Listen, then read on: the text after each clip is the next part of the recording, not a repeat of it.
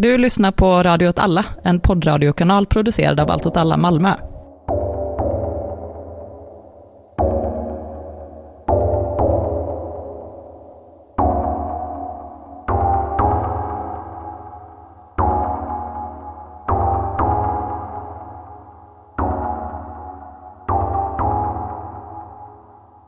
Hej och välkomna till Eld och rörelse. Idag är det bara jag, Martin, med från podden. Men med mig i rummet har jag faktiskt Myran. Han sitter här och producerar i ett hörn. För att vi har en gäst och eh, spelar in i köttvärlden för en gångs skull. Och med mig har jag Johan Pris, doktor i historia. Känd från boken 30 november-slaget om Lund, som du har skrivit tillsammans med Andres Brink Pinto. Det stämmer. Och du är historiker Det stämmer också. Med fokus på staden och eh, stadsplanering i någon mening. Precis. Jag har skrivit min avhandling om stadsplanering i Malmö faktiskt sedan 1980-talet. Så jag har haft ett ganska samtida fokus för att vara en historiker. Så egentligen så är du inte historiker. Det finns de som tycker det, ja. Jag har hört det sägas. Att du inte är historiker utan... Jag kanske är geograf, möjligtvis i så fall. Och nu har jag jobbat på Sveriges lantbruksuniversitet. Där landskapsarkitektur och planering. Vi har ju i podden pratat om staden flera gånger. Med lite olika ingångar. Eh, Nej, det är väl fel att säga egentligen bara en ingång. Alltså krig. Vi var ju med och gästade en podd som heter Habitat. Mhm. Som man kan lyssna på. Den hittar man i Brands poddflöde. Där vi pratar om just eh, staden och krig. Det avsnittet tog ganska mycket fokus på kanske samtida krig. Samtida konflikter i städerna. Alltså Fallujah och Bagdad. Palmyra till viss del, även om det kanske är fel att säga att det är en stad. Men och Aleppo och Idlib och Kobano då. Den typen av konflikter. Och då tänker jag att vi mer idag kanske ska prata om staden och militära konflikter ur ett historiskt perspektiv. Och där tänker jag att du kan hjälpa till att bena ut lite hur den förändringsprocessen har sett ut. Ja, nej, jag kan ju definitivt försöka i alla fall. Krig är ju egentligen varken mitt specialintresse eller mitt forskningsfält, men det är ju helt klart så att under vissa perioder så har ju både krig och konflikt i sig, men framförallt liksom militärens roll som en slags institution för rumslig expertis varit väldigt, väldigt viktig för att forma städer och liksom regioner och liksom den byggda miljön på olika sätt. Så det finns ju mycket att ta av där kan man säga. Det finns ju liksom många spår att följa. Så vi kan hitta några av dem tänkte jag. Det var kul. Bara staden Malmö vi sitter idag med liksom Kronprinsen, Regementsgatan, Mm. Drottningtorget. Eh, ja, ja. Precis, är ju liksom militärhistoriska platser på något sätt. Ja, och Malmö är ju en väldigt typisk sätt är ju staden formad av den typen av krig som man kanske tänker då på att det här eh, tidigmoderna kriget som kräver de här stora fortifikationerna. Just det, Malmöhus och... Malmöhus och det var ju ett helt system av kanaler och vallar kring det som senare till exempel har blivit delar av Kungsparken och vissa av kanalerna finns ju kvar. Och hela vägen bort till centralstationen där det ju fanns ytterligare fortifikationer och, och så vidare.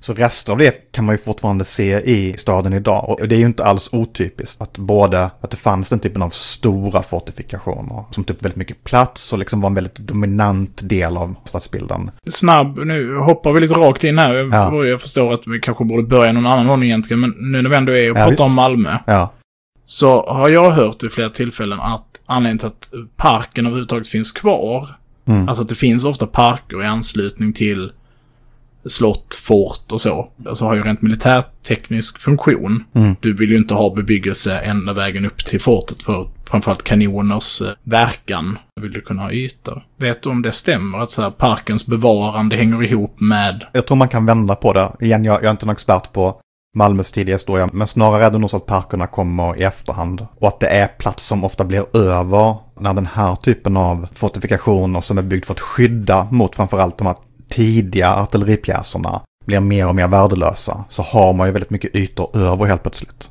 Och det gör ju att man kan göra till exempel parker av det. Så parker, i det sättet som vi tänker på dem, är ju ett fenomen som kommer framför allt under andra halvan av 1800-talet.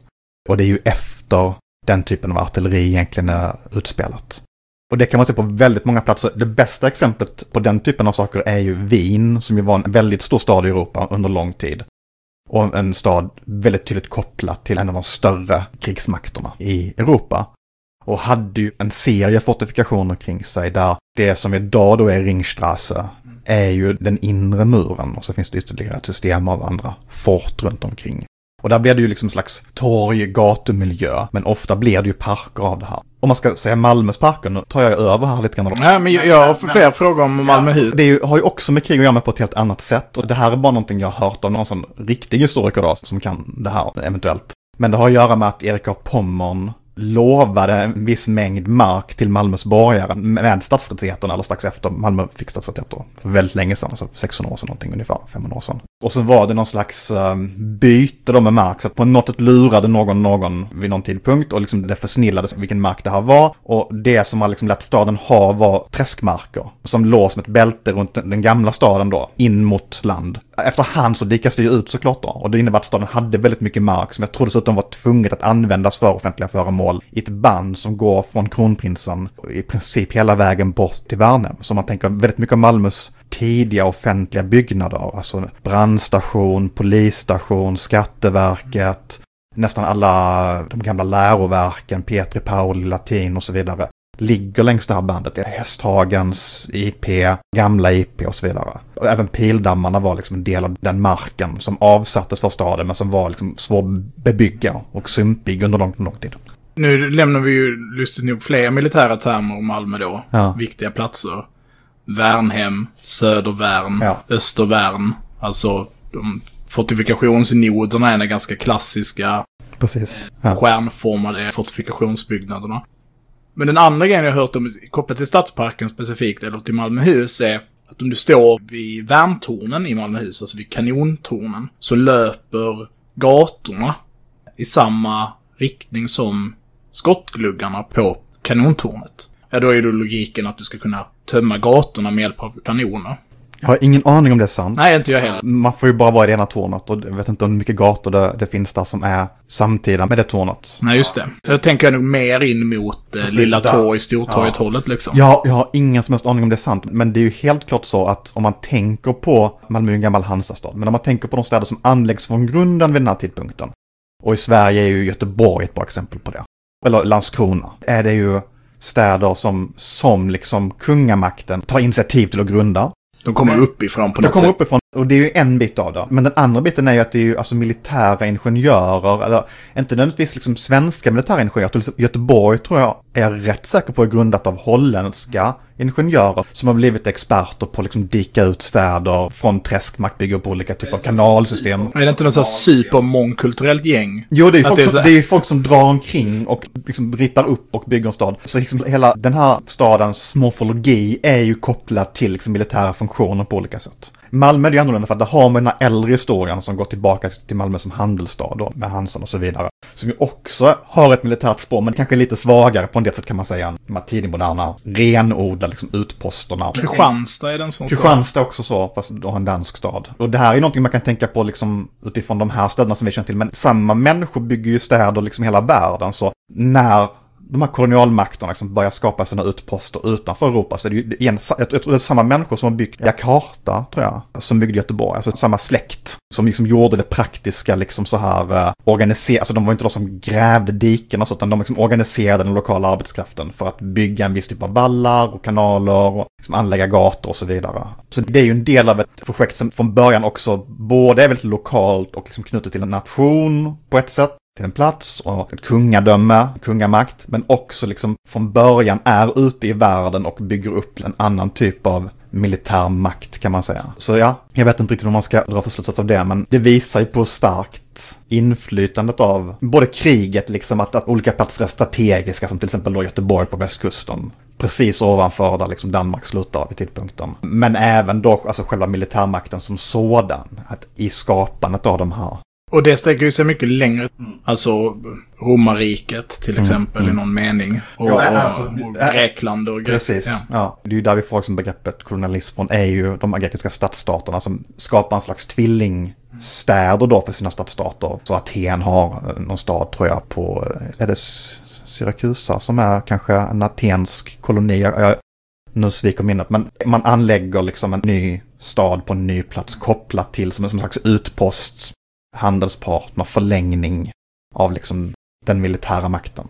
Många av de här grekiska krigen utspelar ju sig långt ifrån Grekland, mellan då olika stadsstater som liksom i huvudsak, egentligen man tänker på då som att de finns i det som var det gamla Grekland och idag är liksom, eh, i huvudsak är det moderna Grekland, men kriget kanske sker liksom på Sicilien eller vad det nu kan tänkas vara, att det där i alla fall vissa slag då sker. Så där finns det väldigt tydlig koppling och sen när man kommer fram då, alltså mycket av det här arbetas om av romarna kan man säga. Och det som är intressant med det är ju att vi tänker på dem som någon slags så här men en stor civilisation, de är väldigt duktiga på vetenskap och någon slags rationella handlande personer och så. Men när man kollar på hur de gör de här sakerna i detalj, det var det länge sedan jag gjorde det, men så blir det ganska knäppt med, vilket är lite roligt. Till exempel, så, så det är det förvisso de här legionärerna som är inblandade i att anlägga städer och man har ett visst mönster utifrån de här tältlägren och så vidare och de här forten. Och vägarna såklart blir väldigt viktigt för det är liksom en del av den här imperiella infrastrukturen. Så det är liksom ena sidan av det, men andra sidan av det är att när man anlägger en ny romersk stad så blir det liksom en förlängning av staden Rom med på ett väldigt så mystiskt, rituellt och kult sätt. Å ena sidan så är ju militären inblandad i var den här ska ligga liksom på något sätt. Men å andra sidan så är det en massa spåmän och präster som håller på att titta på liksom hur korpar flyger. Mm, jag kan tänka mig att det är ett sätt att tolka terrängen som antagligen stämmer ganska bra. Jag misstänker att de här ritualerna är byggda för att funka ganska bra mot liksom, militära prioriteringar. Trodde grekerna på sina egna myter och så vidare och så. Det, men det är tydligen väldigt viktigt med de här korpar, floder och så vidare. Och när man väl har hittat en plats så börjar man dra två vägar som korsar varandra och skapar ett visst område som man avsätter som någon slags avliknande liksom, bild av forum från Rom. Redan från början skapar man liksom liksom innan man har en stad en plats kring en vägkorsning. Vägarna behöver inte ens leda någon vart. Utan man ska ha det här. Och sen, det som är det allra mest så här intressant är att man plöjer en fåra runt då, där stadsmuren ska gå, med en plog. Och det är liksom belagt med dödsstraff att överträda den här fåran på någon annan plats än där de här fyra första portarna ska stå. Så liksom stadens territorium och gränser och kopplingar till Rom och efterliknande av staden Rom trycks liksom in på platsen och planteras på platsen och formar liksom den tänkta geografin långt, långt, långt, långt före det finns en stad på platsen. Det funkade bra med Rom, som vi bara gör likadant igen. Man verkligen sträcker ut staden och liksom planterar om den på något sätt. Så det är både det här militära och någonting som är liksom mycket mer okult och liksom rituellbaserat som finns i det här från början. Romarna är också väldigt tidiga med att ingenjörer och byggmästare och så spelar en viktig roll i kriget. Alltså belägringsmaskiner till exempel och liknande. Där just liksom det här byråkratiska kriget, om man kan säga så, är ju Rom väldigt tidiga med och väl en av anledningarna till att de är så pass framgångsrika då i vissa sina erövringar. Även om Rom och det mesta vi har pratat om och kanske antagligen det mesta vi kommer att prata om idag faller under kategorin hästkrig. Vilket ju är krigen jag har ganska dålig koll på. Alltså krig där man använder hästar. Som man ändå snappat upp lite. Och för att då spinna vidare lite på det här med hästar. Så tänker jag att det också spelar roll i hur staden betraktas som slagfält. Vi ska hoppa lite i historien. Men det här... Gärna. Ja, precis. Det är inte som att du är historiker. Tänker att du borde trivas bra och befinna oss på det här antiken-tiden. Men eh, dina kunskaper ligger lite längre fram i tiden kanske.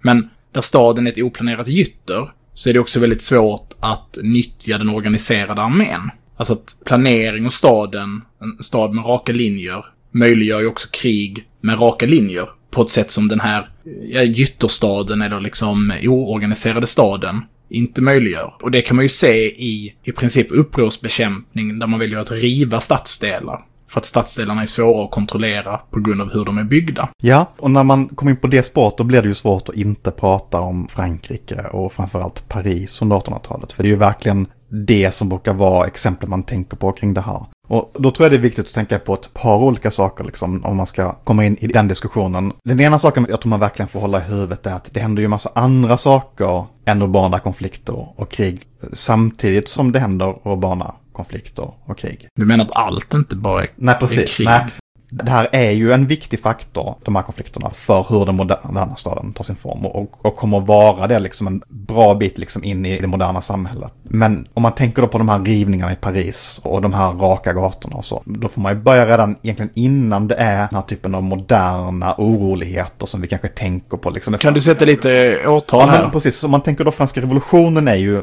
ganska stökigt, då, till exempel i Paris, framförallt i Paris. Och redan före det så är det ju en serie konflikter i Frankrike som centrerar sig ofta kring, men inte alltid, kring de stora städerna. Och det är ju helt klart så att med liksom en tilltagande urbanisering och med större städer under 1600 och 1700-talet så blir det ju stora områden som är ganska stökiga på många sätt. Där folk bor tätt, där liksom en ny slags låt oss kalla det för arbetarklass håller på att ta form, även om det kanske inte är det som vi tänker på som den moderna arbetarklassen. Och där, och där de hittar på en himla massa bus. kan man väl lugnt säga. Grejen är att samtidigt som det händer så är det också så att det kommer massa nya idéer inom arkitektur. Och jag brukar tveka till att tala om det som planering i den moderna meningen. Så om man tänker de här raka gatorna, så från början handlar det ju kanske det snarare om, det brukar i alla fall framhävas i litteraturen om det här, som att det handlar om symbolisk arkitektur. Poängen är att ha alltså en maktuppvisning. Ja, men ungefär som i Rom då kanske. Att under 1700-talet så bygger man de här stora paradgatorna. Men de är ju ganska få till att börja med. Det är inte den normala staden utan det är liksom, låt oss kalla det stråk. Det finns ett par stycken i de större städerna.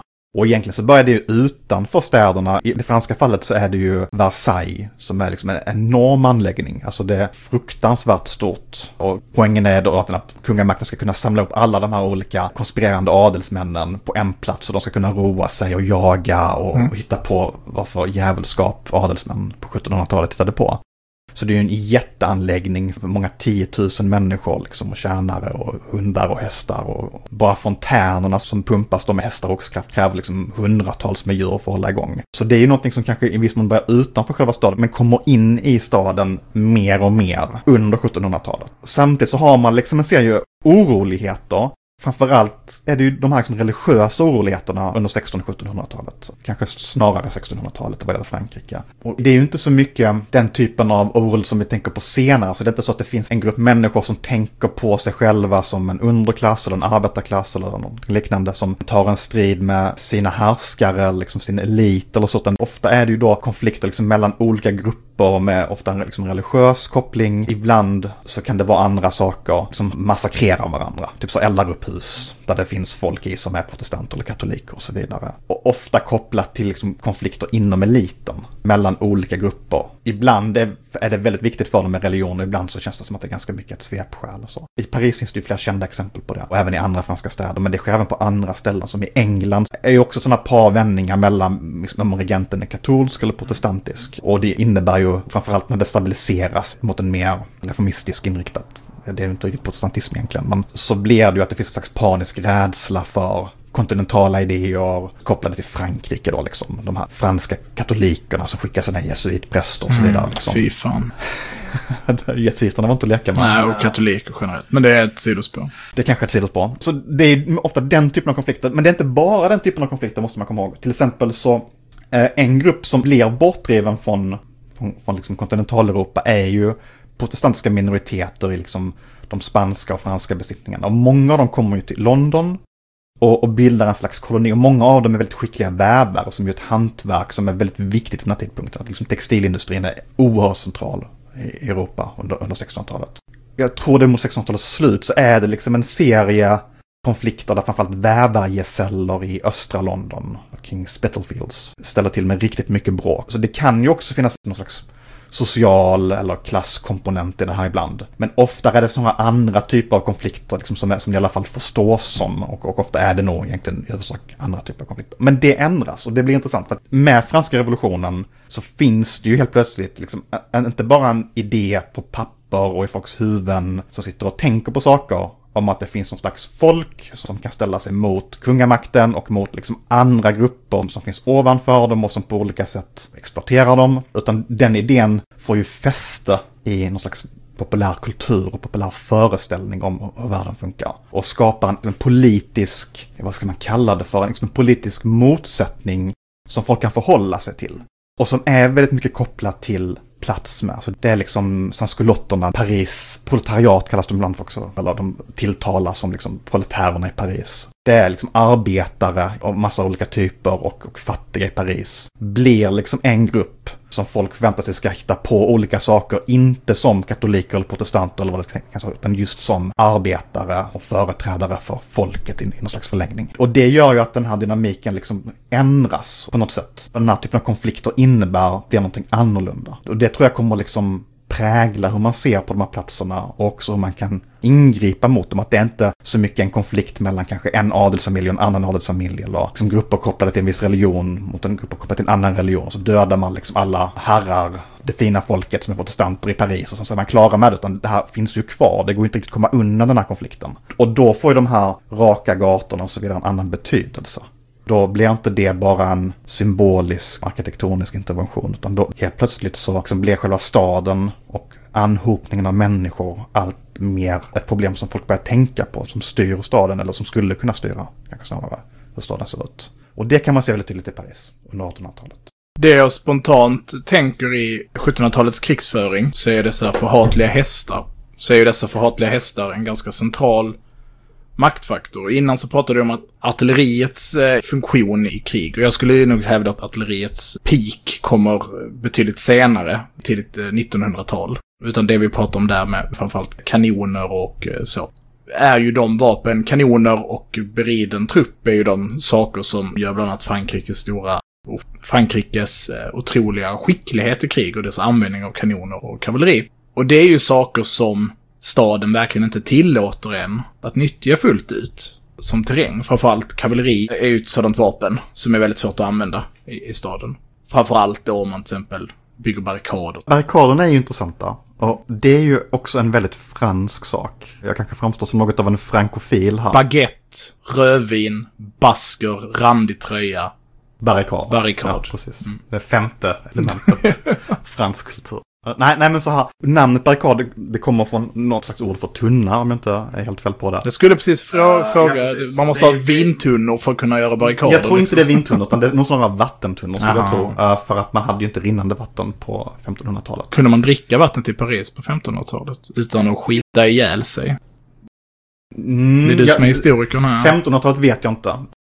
Jag skulle nog inte ha druckit vatten. Din kollega Andres har ju ändå varit med i Historieätarna. Ja, han hade kunnat inte druckit franskt vatten på 1500-talet. Men uh, det blir ju mycket värre kan man i alla fall säga än det är på 1500-talet. Men det är ju så att framförallt stora städer, Paris är ju en av de två riktigt stora städerna. Ja, kanske, Paris kanske blir riktigt stort lite senare egentligen. Men sen när det är en riktigt stor stad, när det har liksom en halv miljon, en miljon invånare, 100 år senare. Men västvärldens centrum liksom. Ja, det är liksom London och Paris som är de två stora städerna under 1800-talet. Som är mycket större än någonting annat. Då är är det ju nog inte så kul att dricka vattnet. Och i London till exempel så har man ju, jag tror det är någon gång på 1840-talet, the great stink. Att det luktar så fruktansvärt i hela London för att liksom, då är det ju snarare kanske 3-4 miljoner människor som bor i Londonregionen. Och all avföring och allt avfall hamnar ju i Themsen förr eller senare. Så det blir som en gyttja av liksom förruttnelse som får folk att liksom helt, alltså det bara slår ut hela stan liksom. Alla som kan lämna stan. Där är vi kanske inte på 1500-talet, men tunnor är viktiga och det man får tänka med att det finns ju mycket saker att bygga barrikader av under den här typen av konflikter. Det är ju tunnor, det byggs mycket i de här städerna, det är ju urbaniseringscentrum för de urbaniseringsprocesserna, så det är mycket, byggs mycket nya hus och gator och så vidare. Tegel och sten och sten plankor. och plankor och så och vidare. vagnar. Och vagnar. Så, så mycket är det ju framförallt de här vagnarna och tunnorna. Vad som händer är att det är en av de här konflikterna mellan protestanter och katoliker som man först hör ordet barrikad nämnas någon gång på sent 1500-tal tror jag. Men sen så kommer det tillbaka lite grann då och då. Men det dröjer ganska länge innan det verkligen händer någonting. Om man tänker på till exempel franska revolutionen så är det liksom inte barrikader så viktigt. Utan det är snarare folkmassor som drar omkring och gör saker. Och ofta så måste de till en plats där det finns lite mer öppen plats. Om man tänker hur Paris ser ut så är det ju de här stora trädgårdarna kring Louvren som heter de kungliga palatsen. Där är det ju definitivt så att det finns militärer i massor som kan skjuta och rida och hitta på olika saker. Och de har ju ganska mycket utrymme med. Så det är ju snarare stora folksamlingar och hur stora de folksamlingarna är som blir intressant någonstans där. Och hur de interagerar med militären. Och samma sak kan man säga i den engelska kontexten vid den här tidpunkten. Det finns där att bygga barrikader, framför allt då i Frankrike. Men det är inte så urbana konflikter tenderar att spela ut sig. Och de flesta konflikterna är ofta i mycket mindre samhällen. Så jättemycket konflikter under 1700-talet är kopplade till landsbygden, till den här lilla marknaden man åker till en gång i veckan eller en gång i månaden för att köpa saker. Priskonflikter då Precis, liksom. framförallt handlar det om brödets pris, eller snarare mjölets och sädets pris. Men det kan vara andra saker också. Det kan vara, eh, det är ju väldigt vanligt med typ olika former av sabotage mot godsägare. Man rycker upp deras plantor, alltså de fruktträd, man dödar djur. Ofta så lämnar man liksom väldigt tydligt demonstrativt. Man gör det på natten så man inte ska åka dit för det, men det är liksom en väldigt symbolisk handling. En annan grej är ju de här, det är ju väldigt omtalat, Marx skriver om det också. De här häckarna man planterar när man eh, inhägnar allmänningar. Om man tänker 1700-tal så liksom kartritandet är ju inte på sin topp riktigt då va. Vem som äger vad måste ju markeras väldigt tydligt i landskapet och ska du få folk att bete dig som att det är din mark som en godsägare, det som alltid har varit en allmänning, så måste du liksom bokstavligt talat stoppa folk från att kunna använda mark. Det är inte så att någon drar en linje utan det planteras häckar, ofta fyrdubbla häckar av törne man gräver liksom olika gravar så det ska bli jobbigare att klättra. Alltså man har kanske någon slags en, en, en vall och en grav och så en vall till och en grav till och så häckar då liksom mellan de här. Så det är också lite populärt att rycka upp. Så det, det är mycket den typen av konflikter på landsbygden också måste man komma ihåg här. Och där kan man ju definitivt rida fram och hugga någon med sabel. Och den stora grejen när man tänker den anglosaxiska världen här, förutom då, ja, Irland är ju en ständig källa till konflikter, men om man tänker i England så sker det ju flera av de här rösträttsdemonstrationerna på tidigt 1800-tal som liksom blev angripna, framför allt då den här um, utanför Manchester, St. Peter's Fields tror jag det heter, kommer kallas för Peterloo efter, alltså Waterloo. Och då är det ju liksom beridna soldater som rider ner en, en jättestor demonstration då. Så de här barrikaderna, det är någonting som finns där. Och det är någonting som ibland blir väldigt viktigt. Men man får inte heller överdriva betydelsen där tror jag. Utan det... Nej, men jag sitter faktiskt och tänker på det precis. Mm. Också pikar inte barrikaden ganska tidigt jo. och sen försvinner den. Alltså för jag menar, idag känns ju barrikaden som ganska rituell mm. verktyg i moderna stadskonflikter. Och det är den redan väldigt tidig. Jag skulle säga att det liksom i modern tid har barrikaden inte varit relevant. På grund av att det har funnits tekniska landvinningar som gjort det möjligt att väldigt snabbt eh, undanröja barrikader. Ja, och det är ett par situationer där barrikaderna är väldigt viktiga som gör att de får det här genomslaget. Och det är alltså revolten 1830 i Paris, då byggs det väldigt mycket barrikader i Paris. Om man liksom läser folk som berättar om det här då. Så är det att det är inte som inte att det är en barrikad och sen så hålls den barrikaden och sen så anfalls den och försvaras. Utan det är ju hundra... En svärm. Det är en svärm av barrikad.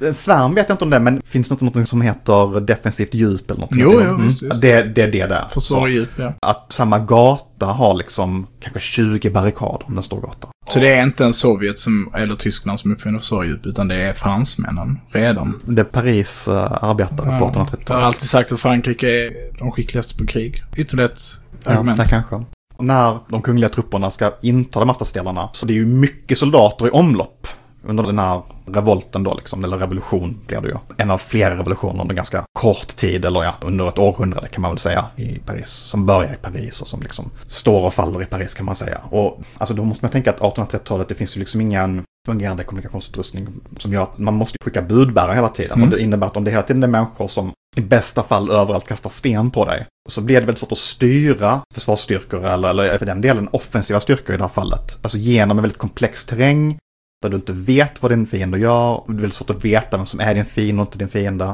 Och liksom hur de rör sig och de kan liksom finnas nästan var som helst. Och de här barrikaderna förhindrar kanske snarare en liksom organisation av stridsstyrkorna än de förhindrar någon, någon faktisk rörelse. De saktar ner, det är svårt att veta var folk är. Man kan bli inlåst. Det ingår i någon friktion då det, för, Man skapar en väldigt stark friktion i rummet. Så där kanske man kan tänka på att det snarare än att det här, att här upprättas liksom en zon som försvaras och att här är en tydlig gräns. Så är det snarare så att det här segar ner det här maskineriet och också gör att många soldater är högst tveksamma på liksom vad gör vi här? Varför är vi här? Hur kommer det här sluta?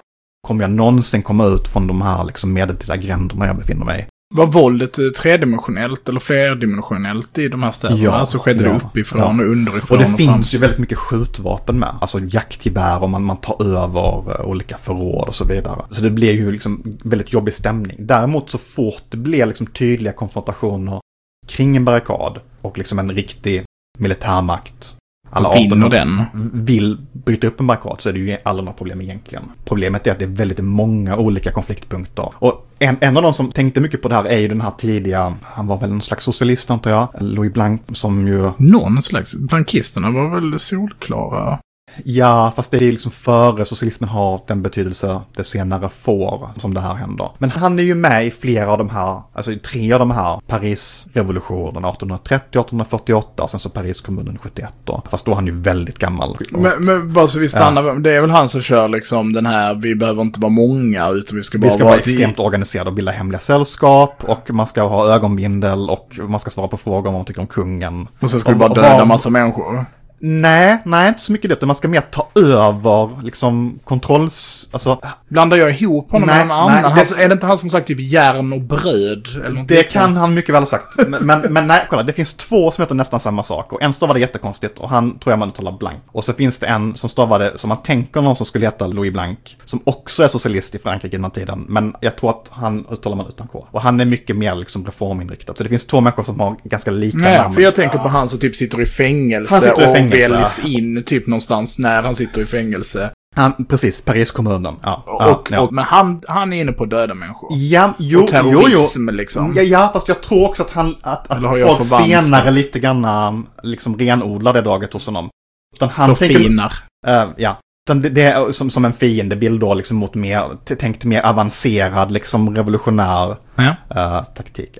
Både Marx och Engels är väldigt imponerade Mm. över eh, d- där 48. Och de smugglar ju in hans texter i Mm. Tyskland och så vidare. Och liksom, som, som är olagliga både i Tyskland och Frankrike. Nej men han har ju den idén om att man ska ta över kontrollpunkterna på något sätt. Man ska ha de här hemliga sällskapen, de har inte vara så himla många, de ska vara välorganiserade och beväpnade och så knäpper man fingrarna och så tar man över de här kontrollpunkterna. Och då kommer liksom massorna att resa sig. Så massorna liksom kommer att resa sig automatiskt när den här liksom sekten då har bestämt sig för det.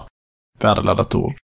Ja men det, men det var det ju. Alltså det var ju så Jag vet bokstavligt inte talat jag ska vara hemligt. hans försvars- Eh, nej, nej, men, men i alla fall. Han, han tänker ju mycket på det här. Han menar ju att problemet är att det är liksom varje barrikad för sig själv. Det finns ingen kontroll över det här, det finns ingen styrning över det här. Och det är någonting som uppstår liksom ur folkdjupet på något sätt, vilket det nog också gör. Att liksom varje kvarter bygger sin barrikad. Sitter man där jag tror han, han pratar om att man sitter och röker pipa i sina liksom äh, arbetsskjortor. Och, det gött. och, och, så här, och bara tycker att man är dö cool och är så här, vi, vi ska hellre dö än och ge oss och leva friheten och leva folket och så vidare. Och det funkar ju jättebra liksom så, länge det inte kommer en organiserad militär som har trupper som, som gör som de blir tillsagda. Och liksom bara tar varje barrikad för sig och tar fler barrikader vad de kan bygga. Och alltså tillfogar större förluster man kan, då slutar det ju funka liksom. Så. Då gör han misstaget att han tittar på fienden och säger om vi är mer som fienden så kommer vi vinna. Det är ju klassiskt. eh, Ja, han, han vill ju föra en slags liksom modernt, Istället- tidigt modernt krig. Istället för det omvända Ja. sättet att tänka och säga vad kan, vad är vi duktiga på? Förfinar vi det vi är duktiga på? Så- Jag tror jag skulle säga att både 1830 och 1848 så är ju, och sen så är det ett, ett, ett antal oroligheter till där 50 så, så är ju liksom det som alla vid tidpunkten pratar om som liksom Paris proletariat eller Paris arbetarklass. Det är ju den avgörande faktorn för att det blir de här revolutionerna. Och även, alltså 1848 blir det stora revolutionsåret ute i Europa. Det börjar ju i februari i Paris med den här typen av liksom massiva protester som övergår i barrikadbyggande och som sätter käppar i hjulet för liksom den dynastin och liksom och sätter punkt för det. Och så tittar ju alla på det och så blir det liksom, det här kan sprida sig liksom genom tidningar och genom olika berättelser. Och det är också en väldigt spännande historia. Det- är massa människor man tänker som inte är inblandade i det här som finns i den här historien. Så till exempel Bakunin, vad heter han nu i förnamn? Mikael antar jag, befinner sig i Dresden 1848 tillsammans med Wagner, regissören, och får Wagner att sätta upp en ny pjäs för den tyska revolutionen, liksom under hans, på något sätt, liksom överinseende. Och Wagner skriver väldigt så här, oh, Bakunin var här och så typ. Och, och, och det är barrikader på gatorna och det är liksom den här, ett litet mini-Paris i Dresden och så. Bakunin hade sitt eh, finger med i spelet för att upprätta Tredje riket med andra ord. Skulle man kunna säga. Jag vet inte om man skulle kunna säga det, men Nej, bara- du har just sagt det. Så, Ja, så. det Men jag och döma än att det inte är sant. Nej, det, jag tänker ändå det är ganska viktigt för folk som uh, tänker på sig själva som historiker, i alla fall ibland. Hur som helst, det är de nya städerna, de är väldigt tätt befolkade och ganska kaotiska på många sätt och det är liksom stökigheter. Men vad som händer är att framför allt i Paris så övergår det här allmänna stöket till regelrätta revolutioner. Det, alltså det är ett, egentligen ett par revolutioner som vi kallar för franska revolutionen. Och sen så är det 1830, 48, 71 och så är det ett par tillfällen däremellan där det liksom är lite oklart exakt liksom hur mycket, men det, men det är ganska stökigt också. Så. Men det blir liksom aldrig en regelrevolution. Och det gör ju att det är ganska mycket människor som är ganska oroliga för det här. Och det sammanfaller med en annan sak, vilket är att liksom de infrastrukturella behoven i de här städerna ökar på olika sätt. Det handlar om vatten, det handlar om att det är större avstånd att röra sig till och från arbetsplatser som blir större och kräver liksom större uppland av människor som kan komma och jobba där. Det handlar om att det är mer, alltså det är ju väldigt mycket produktion i städerna den här tidpunkten som måste få in varor, måste få ut varor, folk måste äta. Det, det, det, man behöver öka liksom takten av cirkulation på saker. Och det sker ju på en rad olika sätt, men ett sätt är ju att man behöver bygga större vägar. Mm. Och, det, och det kommer ju vara ända in i nuet, så liksom den typen av mobilitetsinfrastruktur är ju väldigt avgörande för vad som får finnas och inte finnas i en stad. Så även idag liksom, på många sätt.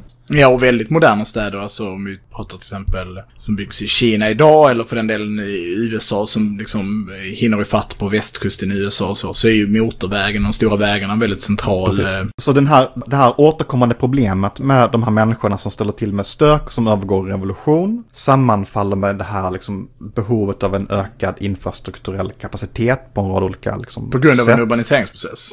På grund av att den, den, går jättefort. Och det är jättemycket människor, det är jättemycket varor och det är jättemycket material. Alltså bara byggnadsmaterialen till Paris är liksom ofantlig mängd tegelstenar som läggs varje dag. Menar du att det här avtar någon gång i, i stadsplaneringen över tid? Liksom att, ja, det, skulle man kunna säga att stora vägar har en, en lågkonjunktur också? Kanske, kan man säga. Låt oss lämna den, vi kan komma tillbaka till det. Men, men poängen här är att det är två saker som händer samtidigt. Och så är det en tredje sak som händer samtidigt också som är viktigt att nämna. Som bidrar till det som kommer hända i Paris, som blir en modell för hela Europa. Och det är att man knäcker tanken på att om man river slum, eller det man tänker på som slum. Och sen så bygger de här paradgatorna där man kan bygga väldigt högt. Så när man har en sån här paradgata, en boulevard, så har man en helt annan typ av liksom möjlighet att ta ut en annan typ av hyra där per kvadratmeter. Så man kan se mycket av Paris tillväxt i den regim som kommer efter 1848 års revolution som sen övergår då i liksom det här kejsardömet under liksom, vad är det, Napoleons brorson eller vad fan det är. Så har man det här kejsardömet och, och då, då sker den här transformation som redan har börjat lite grann med de här större gatorna, den sker ju liksom i hyperfart i Paris. Mer än kanske någon annanstans i världen. Och det blir det som blir modellen för hur en modern stad ska se ut. Och då är det liksom de här, minst de här tre sakerna som samverkar. Att det är spekulationsdriven ekonomi där man river, bygger nytt och har en annan typ av prissättning. Det kan liksom ge pengar in i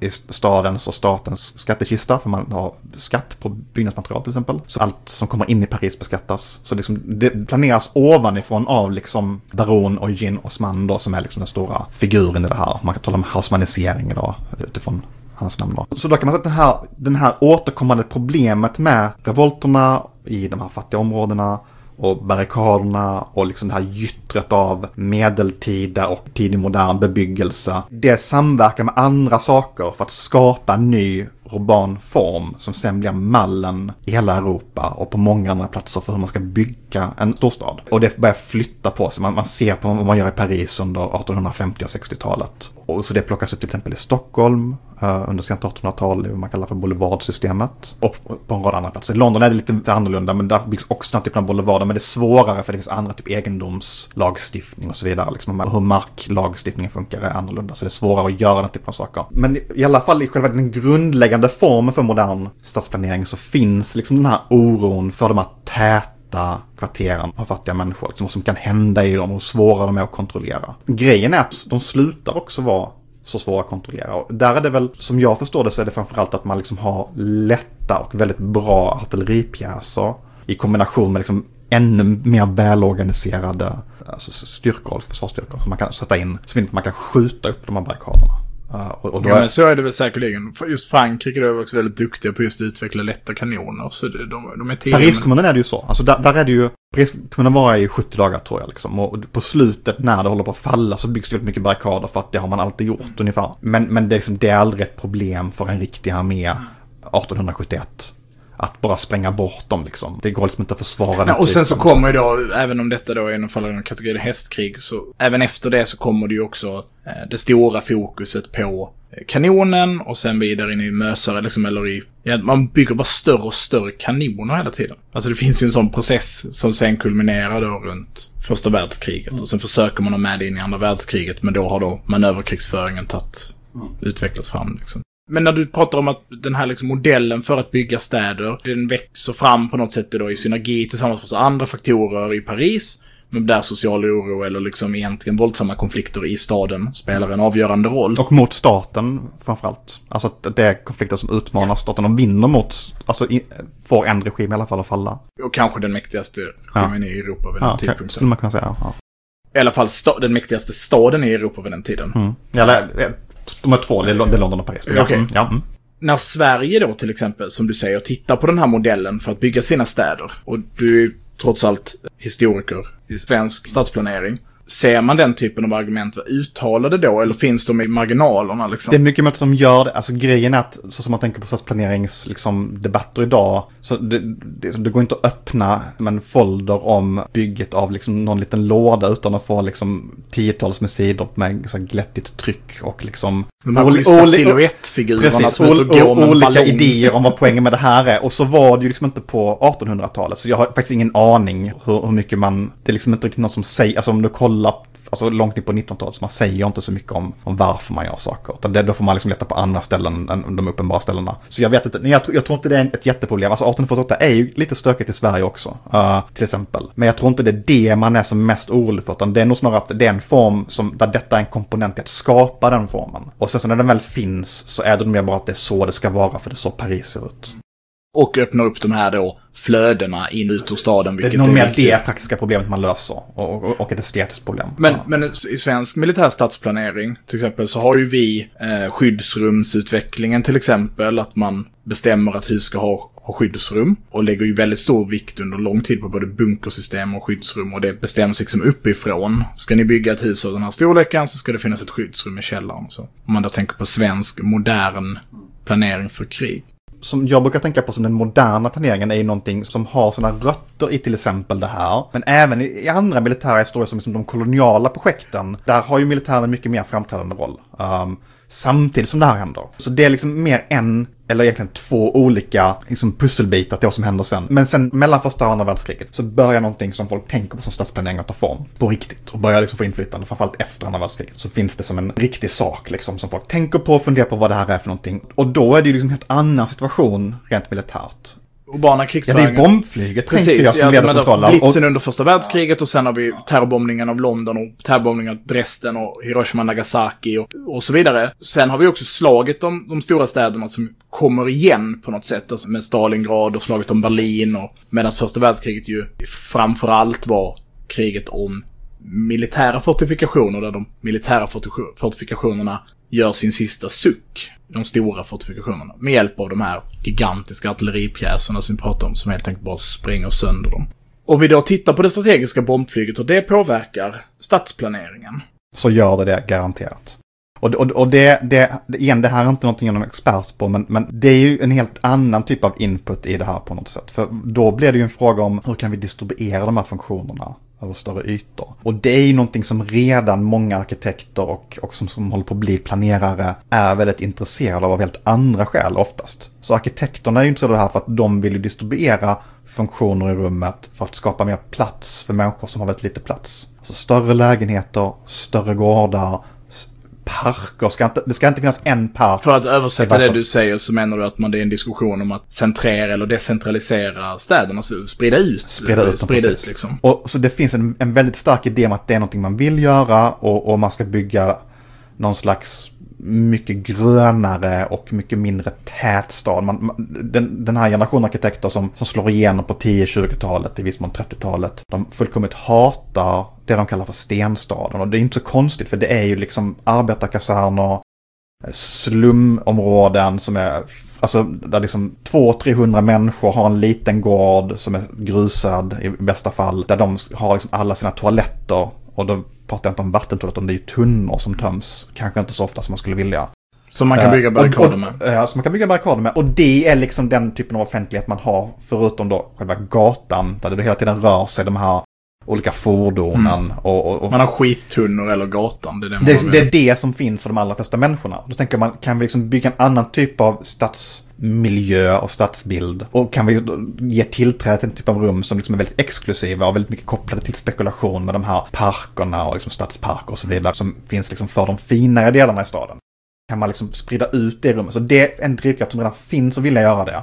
Och då kopplar det ju väldigt väl ihop med när man framförallt efter andra världskriget säger oj, vad händer när man bombar städer?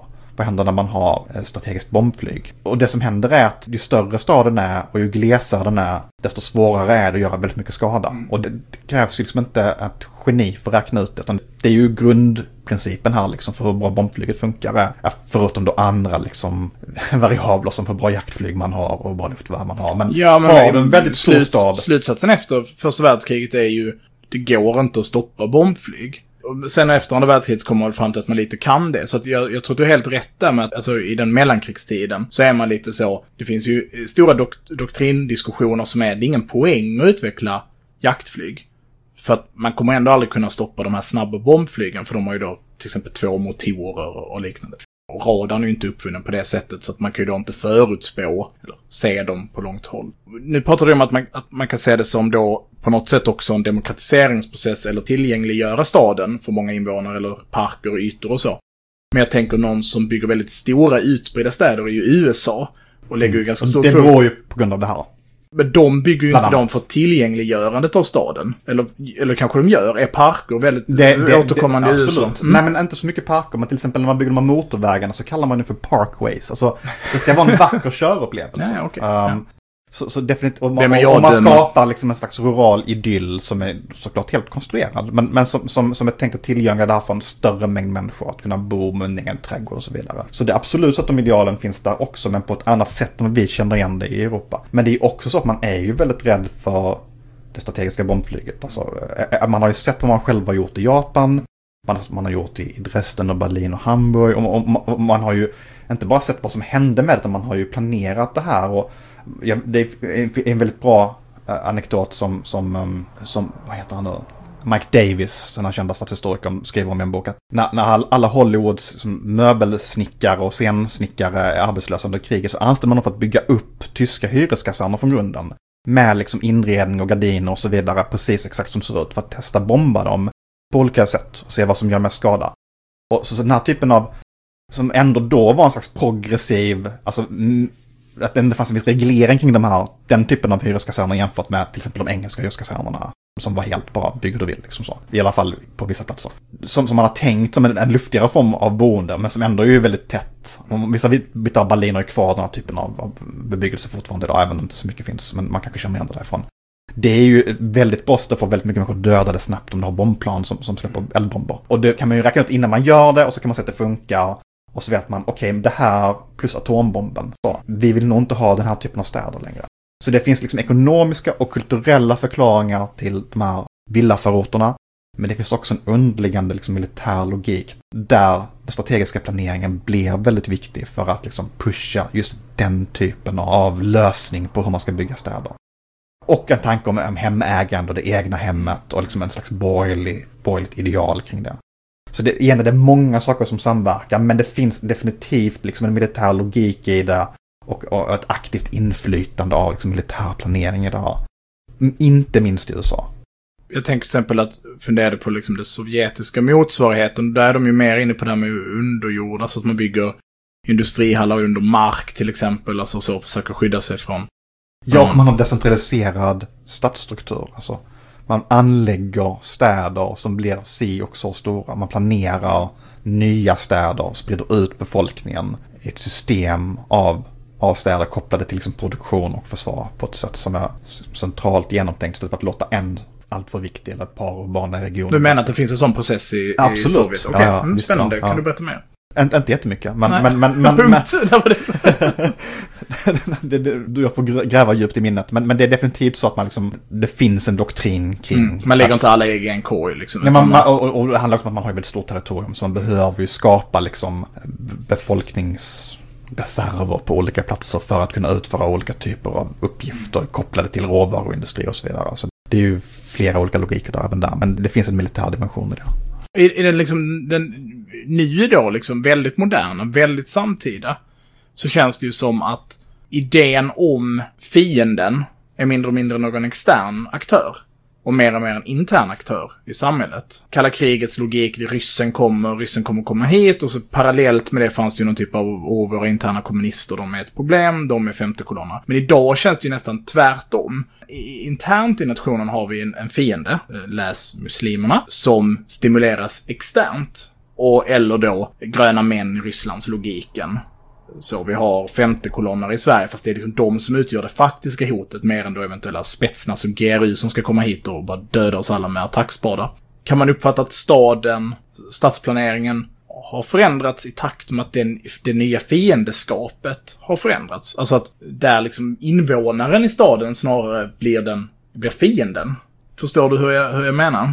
Ja, jag tänker att det är mycket sånt här som vi kanske inte vet så mycket som vi skulle vilja veta om just för att det är en liksom militär underrättelsedimension i det. Eller vi vet kanske fragment av det. Och framförallt om man inte liksom är specialist och liksom så har tillgång till det. Men det är ju definitivt så att de här urbana konflikterna som kommer liksom under, de finns hela tiden på ett sätt, men det blir ju viktigare liksom under 70-talet kanske. Mm. Det är ju folk som kan se liksom direkta kopplingar till åtminstone vissa specifika projekt inom planeringen. Så till exempel vet jag att i, jag tror det är Liverpool, så är det en liksom nyckelperson i hela liksom administrationen av utsatta områden, man skulle kalla arbetarklassområden i Liverpool. Som ju var väldigt stökig under 80-talet. Mm. Är ju en person som lyfts från Nordirland, alltså från militären mm, i Nordirland. Och har liksom olika taktiker därifrån för att skapa den här typen av, liksom, kunna ja, segmentera rummet och bryta upp liksom, de här typen av flöden i vissa situationer. Jag har inte pratat om Belfast, men liksom där man faktiskt bygger murar i städerna, precis, städerna precis, för att ja. separera. Där man inte ens döljer det som en nej, nej. viadukt eller någonting, ja, utan precis. här är en jävla mur. Ja, visst. Ja. Nej, så det finns ju den typen av kopplingar. Jag har svårt att se det liksom idag i Europa jättemycket måste jag säga. Jag tänker att det finns säkert där, men det är så himla många andra aktörer som är inne på det. Jag tror snarare att det finns liksom vissa stora, stora mönster där de här militära konflikterna har varit med och format det mönstret. Så finns de mönstren nu, så det finns liksom boulevarden som kommer av flera olika skäl, men bland annat vad som till exempel händer i Paris. Så. Och det finns den här utspridda staden som kommer av flera olika skäl, men bland annat på grund av Dresden, Hamburg, Berlin, Nagasaki, Hiroshima det liksom är någonting som finns där och som starka intressen liksom hela tiden styr mot. Och så finns det ju andra dimensioner som också är militära, så bara att hela tanken om att skapa en sund miljö för människor har ju att göra med att kunna rekrytera en massarmé. Om du, liksom, du kan inte ha massa människor som hela tiden får kolera och dör av det. Om du ska kunna liksom lyfta ut, vad kan det vara, 3-4-5 procent av den manliga befolkningen i krigs... Men om jag tänker nu på stadsrummet, spontan reflektion, så har vi väl det här med byggandet barriärer i framförallt innerstaden för att förhindra lastbilsattacker till exempel och så. Absolut. Som ju är saker som presenteras det, det, som militär. Det är definitivt någonting som man kan se. Den, den typen av, jag ska säga liksom smågrupps, ja, terror. ja, ja, men precis. Liksom men det är ju så, det är ju den militära konflikten vi pratar om då. Om Sverige pratar om en fiende som ska angripa den så menar vi ju inte Ryssland. Utan det är ju idén om den här medborgaren som på något sätt agerar för en fiende, fiendeintresse på något sätt. Ja, nej, jag tycker det blir svårare och otydligare att se exakt hur det här spelar ut sig nu och det kanske är för att jag är historiker och ändå på något sätt som, jag, som det är svårare. Men, men jag tror att om det är någonting som jag tänker ändå en, en tendens man kan ana, man kanske liksom ska sluta liksom på det spåret om man ska liksom blicka mot samtiden och framtiden, är ju då snarare att mycket handlar ju nu om någon slags hur man kan bygga bort de kulturella sociala förutsättningarna för att ha den typen av, låt oss säga, förtrupp, för att använda ett liksom mer neutralt ord. Liksom genom till exempel en diaspora eller vad det nu kan vara då. Eller genom liksom en, en religiös grupp eller så. Och det handlar ju snarare om att gå tillbaka till liksom de an, alltså den inte militära logiken i de, i, i de militära problemuppsättningarna. Alltså hur kan man skapa en befolkning som har större sammanhållning, där det finns en viss typ av social kontroll. Så det är snarare liksom en polisiär, social dimension av det mm. problemet. Men i takt om att vi parallellt ser en en, separa- eller en uttuddade linjer mellan det militära och polisiära till exempel. Ja, absolut. Och, men, och, men också att, att det, på något plan så blir ju det här, den, liksom, den delade staden som skapas av liksom, vårt samhälle och vår ekonomi och sätt att styra satt som ett på idag, alltihopa samtidigt. Det blir ju, skapar ju liksom de sociala förutsättningarna för en viss typ av våldsamma konflikter. Mm, jo, men visst. Och du, och du kan liksom, det är väldigt svårt att avvärja dem i tid. Till 100% av fallen. Så, så, så vill man verkligen ha bort den typen av, av konflikter så behöver man ju angripa inte bara liksom de ekonomiska förutsättningarna, inte bara de sociala förutsättningarna, utan liksom även de planerade förutsättningarna. Alltså, det är inte en slump att en stad som Malmö har de här avgrundsdjupa klyftorna liksom, som de har. Det har inte hänt av sig själv. Det är Nej, ju nej, en visst. utveckling och det har jag ju forskat på så det kan jag verkligen säga med auktoritetet. Det är ju någonting som är It's a feature, not a fault. Så. Ja, det är den klassiska idén om orättvisor som något ogenomtänkt liksom. När det, Oj då, så nej, nej, alla, ingenting händer ju exakt som planerat. Men det har definitivt funnits liksom starka intressen som har tryckt saker och ting åt det hållet. Forskats fram eh, liksom i någon, någon mening. ja, kan man säga. Och, och liksom tillämpats liksom systematiskt på olika sätt liksom. Och det tänker jag att det har ju en militär dimension i sig för att det skapar grogrund för den typen av rekrytering. Alltså det är inte den enda saken som skapar det. Men det är en dimension, det är en faktor i det. Och det tänker jag att det är inte omöjligt att det kommer att vara precis som behovet av att skapa liksom utskrivningsbara koppar som man kan rekrytera in i arméer. Kommer att vara en sån här underliggande, dovt, malande faktor som kan, man kan tänka kan hjälpa till att putta saker mot jämnare fördelning i samhället. Sen vet jag liksom inte vad innebär det? Eh, Hur ska Nej, man förhålla sig till nej. det? Vad, vad, det? Det är liksom ingenting man kan rå över på varken det eller det andra sättet. Men, men jag, jag tror att man ska nog inte underskatta heller den typen av... Det finns ju mycket folk som kanske inte är så smarta som, som finns i det militära. Men det finns också rätt mycket människor som ändå liksom har hum om saker och ting och kan se den här typen av saker. kan man ju se historiskt. Så det är inte omöjligt att det liksom verkligen blir en drivkraft som formar åren vi har framför oss. Jag har ingen aning. Nej, och sen så kan man väl generellt säga, det brukar man ju säga i militära sammanhang, att man förbereder sig alltid för gårdagens krig. Alltså att det är kanske snarare så att den planering vi kommer att se om 20 år är planeringen för läget idag. Här tänker jag att vi avrundar och eh, jag vill väl egentligen börja med att tacka för att du har deltagit. Tyckte det var jättespännande. Så undrar har du någonting du vill liksom göra reklam för på något sätt? Någon bok man ska köpa eller läsa eller? eh, Nej, jag vet inte. Nej. Nej men alltså jag håller ju på med väldigt mycket olika grejer. Så att, men inte det här så mycket egentligen. Nej. Så att jag vet inte ifall liksom... Nej men nu är det På- du brukar ju fan göra reklam för vad fan du vill. Du håller på med akvarellmålning. och Du... Ja, nej det gör jag inte. Nej, nej alltså man kan, ju, man kan ju spana in min och Andres bok om man vill. Den är jag ju väldigt nöjd med att jag skrivit. Den tyckte jag blev bra. Alltså, Eh, 30 november. Slaget om Lund. Ja, vi lägger upp någon länk där man kan Det kan, köpa den. ja, precis. Ja, den finns som pdf också så det kan, det kan jag lägga upp. Dumt säger det. Nej men det är väl lika bra att folk tankar hem den. Det har väl inte skadat någon. det är, det är bara töntar som har den på pdf. Men alla, Okej. alla coola Ja, köper den. ja, Eller nej så. men den finns säkert att köpa någonstans i din lokala bokhandel. Och sen vet jag inte, nej det är, det är alltså, jag skriver ju saker eh, här och där hela Mm, tiden. man kan liksom. följa dig på Twitter. Det kan man göra. du- Då heter jag Johan Pris. Du heter Johan Priest där, lätt att hitta dig. Eh, Jag heter på Twitter Trojkan3037. Där kan man följa mig.